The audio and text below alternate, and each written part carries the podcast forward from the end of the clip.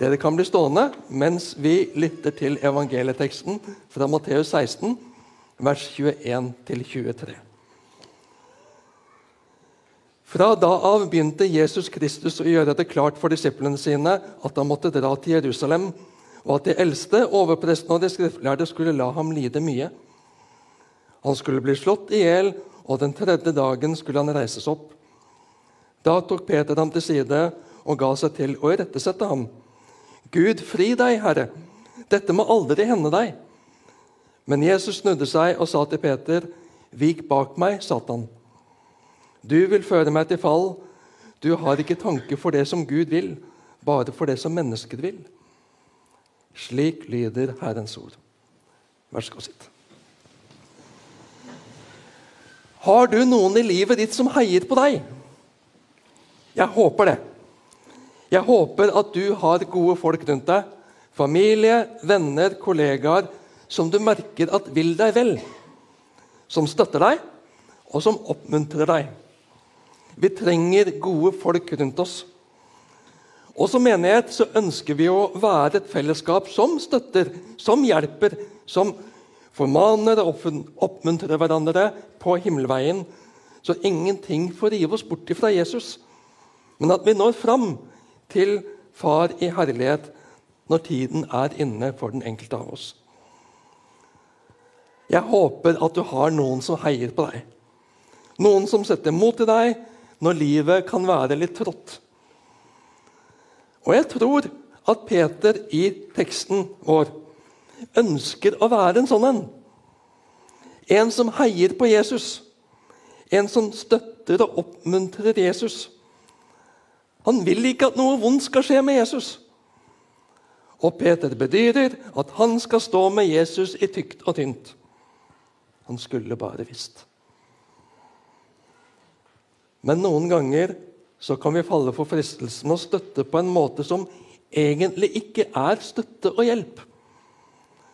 Peters støtte er i virkeligheten en fristelse til å unngå det ubehagelige. En flukt fra det som er Jesu egentlige, men smertefulle oppdrag. Tenk om Jesus hørte på Peter.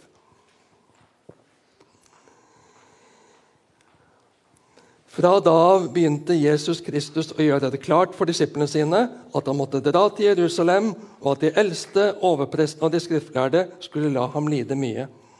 Han skulle bli slått i hjel, og den tredje dagen skulle han reises opp. Fra da av, fra den tiden, står det i Norsk Bibel 88. Det markerer en ny retning i Jesu forkynnelse. Og Det uttrykket brukes to ganger hos eh, Matteus. I kapittel 4, vers 17 så erklærer Jesus at himmelriket er kommet nær. Og Her i avsnittet vårt introduserer uttrykksmåten korset, og at Jesus skal bli korsfestet som Messias. Matteus vil understreke at her kommer det noe viktig. Følg nøye med. Og I dag så har jeg tre punkter, hovedpunkter i talen min. For det første Jesus vet hva som kommer. Jesus går det frivillige møte for å frelse deg og meg. Og det tredje etterfølgerne fristes. Og I det siste punktet så vil vi også se på lesetekstene. og det, bare forbered Det siste punktet det blir det lengste punktet i preika i dag. Så er det forberedt. Men Jesus vet hva som kommer. Jesus har kontroll. Det er Gud vi har med å gjøre. Peter har akkurat bekjent det. Du er Messias, den levende Guds sønn. Men han har ikke maktet å ta inn hva det betyr. Så vil jeg snu det spørsmålet til oss. Du og jeg, har vi maktet å ta inn hva det betyr? Har du virkelig skjønt at du har med Gud å gjøre? Ikke et gudsbilde, ikke en gudsforestilling, men Gud, skaperen av himmel og jord, den allmektige, han som er definisjonen på kjærlighet, han som er definisjonen på renhet, hellighet, godhet. Du er ikke overlatt til deg selv. Gud er med. Du skal ikke bygge ditt liv. Du skal få vandre i hans fotspor. Du skal få vandre i hans ferdiglagte gjerninger. Lytte til hans stemme, gå på hans veier. Bruke med glede de gaver og nådegaver han gir, har gitt deg og vil gi deg. Og Jesus har framtiden i sine hender. Han har en plan, og han har makt og vilje og selvoppofrende kjærlighet til å realisere planen. Men det koster. Jesus vet at det vil koste. Og nå forbereder han sine disipler på det som skal skje. De må få vite det, så de kan forstå. I hvert fall på sikt. I etterkant skal de se og forstå. Men i første omgang så blir det bare mer styr for Jesus. Vi kan tenke er det ikke nok å takle sine egne følelser og reaksjoner på det som man vet skal komme? Om man ikke må ta hånd om disiplenes mer eller mindre realistiske reaksjonsmønster også? Men de må få vite det. Han må fortelle dem hva som kommer til å skje. For det er Guds plan og vilje at det skal skje. Og da er vi over på punkt to. Jesus går det frivillig i møte for å frelse deg og meg. Jesus vet at det er ikke trygt å reise opp til Jerusalem nå, menneskelig sett. Den religiøse eliten er etter ham. De jakter noe å ta ham for. De jakter noe å ta ham på for å rydde ham av veien. De eldste, overprestene og de skriftlærde skulle la ham lide mye. Han skulle bli slått i hjel, og den tredje dagen skulle han reises opp. Jeg tror ikke de hører det siste. De hører det, men hører det ikke. Det er langt utenfor deres fatteevne foreløpig.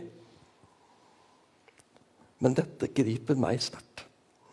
Og som nyutdanna teolog på slutten av 90-tallet, omreisende misjonærkandidat før utreise til Tanzania, så var dette favorittemaet mitt da jeg reiste rundt på bedehusene og preika og møtte misjonsfolket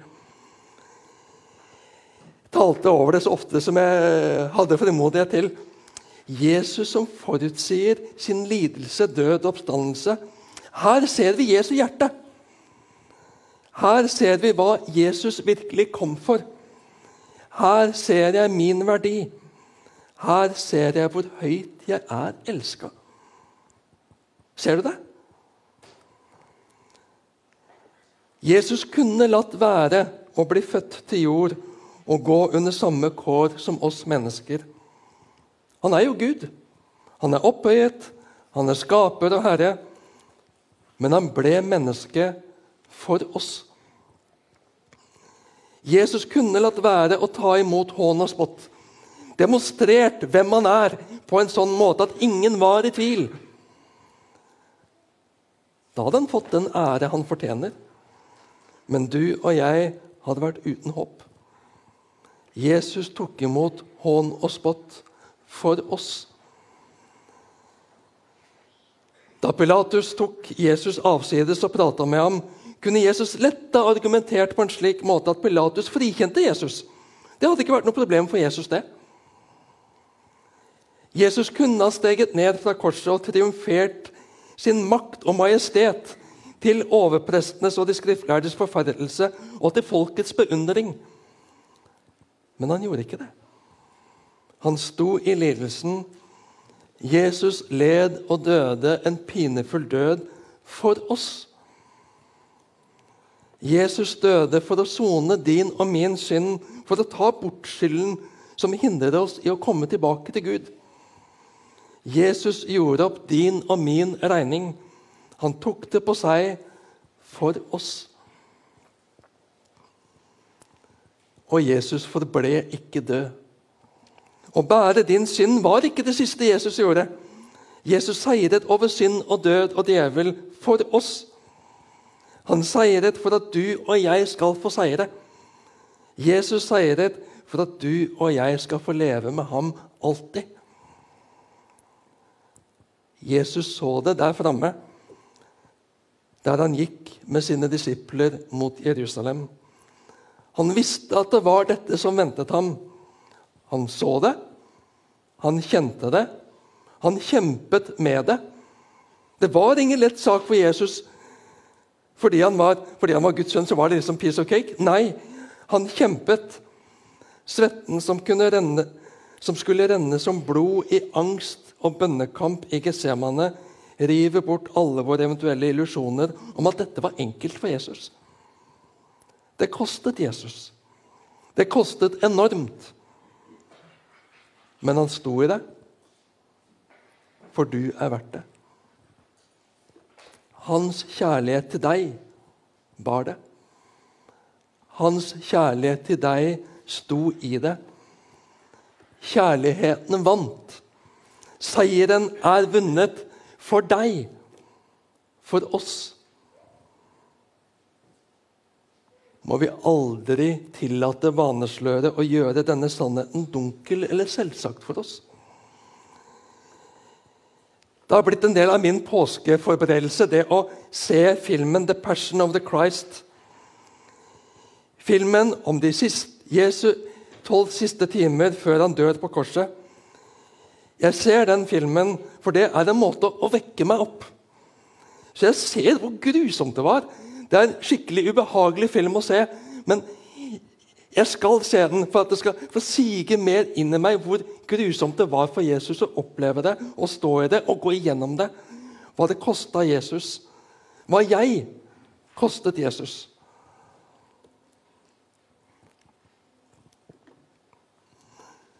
Så kommer det kolossale mageplasket. Det kolossale antiklimakset i teksten vår. I forkant av avsnittet vårt har Peter bekjent frimodig og høytidelig foran disiplene at Jesus er Messias, den levende Guds sønn. Hvor lite han har forstått av de store ordene han nettopp har tatt i sin munn, det kommer til syne her. For han forholder seg i virkeligheten ikke til sin egen bekjennelse i det han nå gjør. Da tok Peter ham til side og ga seg til å irettesette ham Gud, fri deg, Herre. Dette må aldri hende deg. Plutselig så er Jesus bare en kompis. Ja, kanskje en leder, men en som ikke helt vet hva han gjør. Så Peter må passe på, korrigere, rettlede. At det går an å være så dum. At det går an å være så kjepphøy, Peter. Men er det ikke akkurat det vi gjør? Igjen og igjen og igjen. Vi har klare meninger om hvordan Jesus skal handle i våre og i andre menneskers liv. Vi vet hva som er best, tror vi. Vi bestiller nærmest fra Jesus hva han skal gjøre.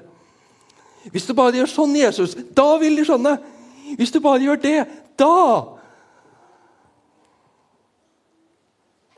Jesus er Messias, den levende Guds sønn. Han har oversikten. Han har kontrollen. Han vet hva han gjør, selv når vi ikke forstår ham. Vi skal få øse ut våre hjerter for Jesus. Vi skal slippe å legge bånd på oss, men la det renne ut akkurat slik vi føler det. Han elsker oss. Han bryr seg mer om oss enn vi klarer å fatte og begripe. Ja da, han vil høre det alt sammen. Men han trenger ikke at vi forteller ham hva han skal gjøre. Han har oversikten. Han vet best. Våger vi å tro det? Er vi villige til å erkjenne at Jesus er Messias? At Jesus er Guds sønn?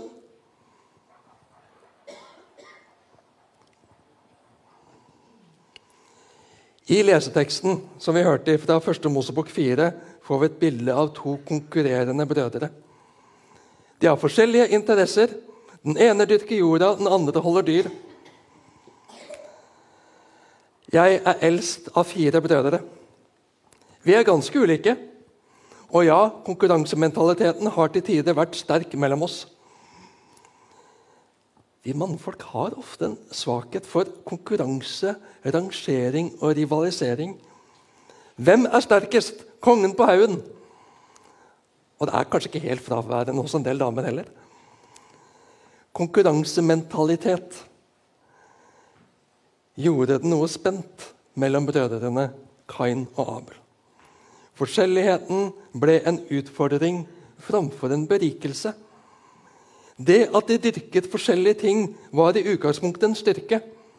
En god og berikende bredde, men sammenligning og konkurranse ødela. Og et element til ligger nok mellom linjene her hjertelaget. Abel bar fram offer av det førstefødte og fettet.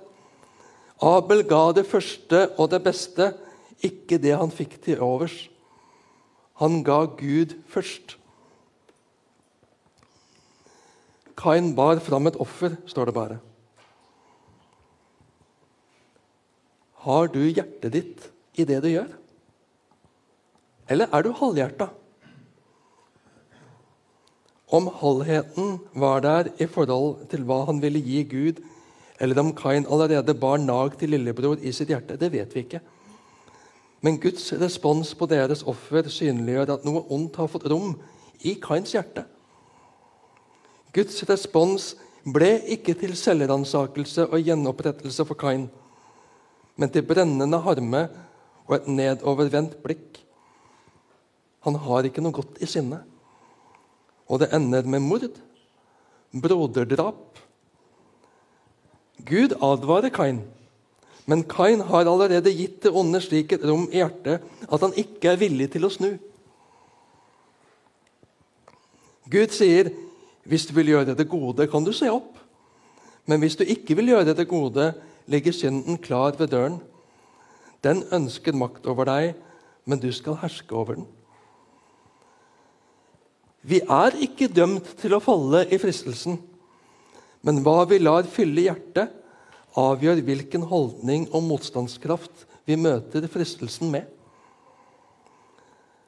Kain tålte ikke at lillebror fikk anerkjennelse for sitt offer, og ikke han selv.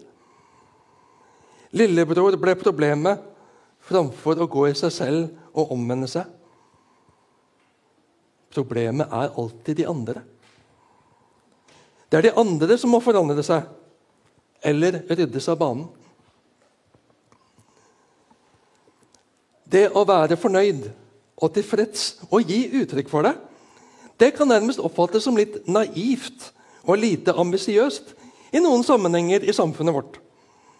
En skal være på, en skal stå på krava, gjerne murre litt, være litt misfornøyd. Da viser den at den vil noe. Men Guds ord til oss i dag fra første kor ti forteller noe helt annet. La oss ikke være misfornøyde og murre, slik noen av dem gjorde. Paulus i sin veiledning til menighetene viser til israelsfolket i Egypt.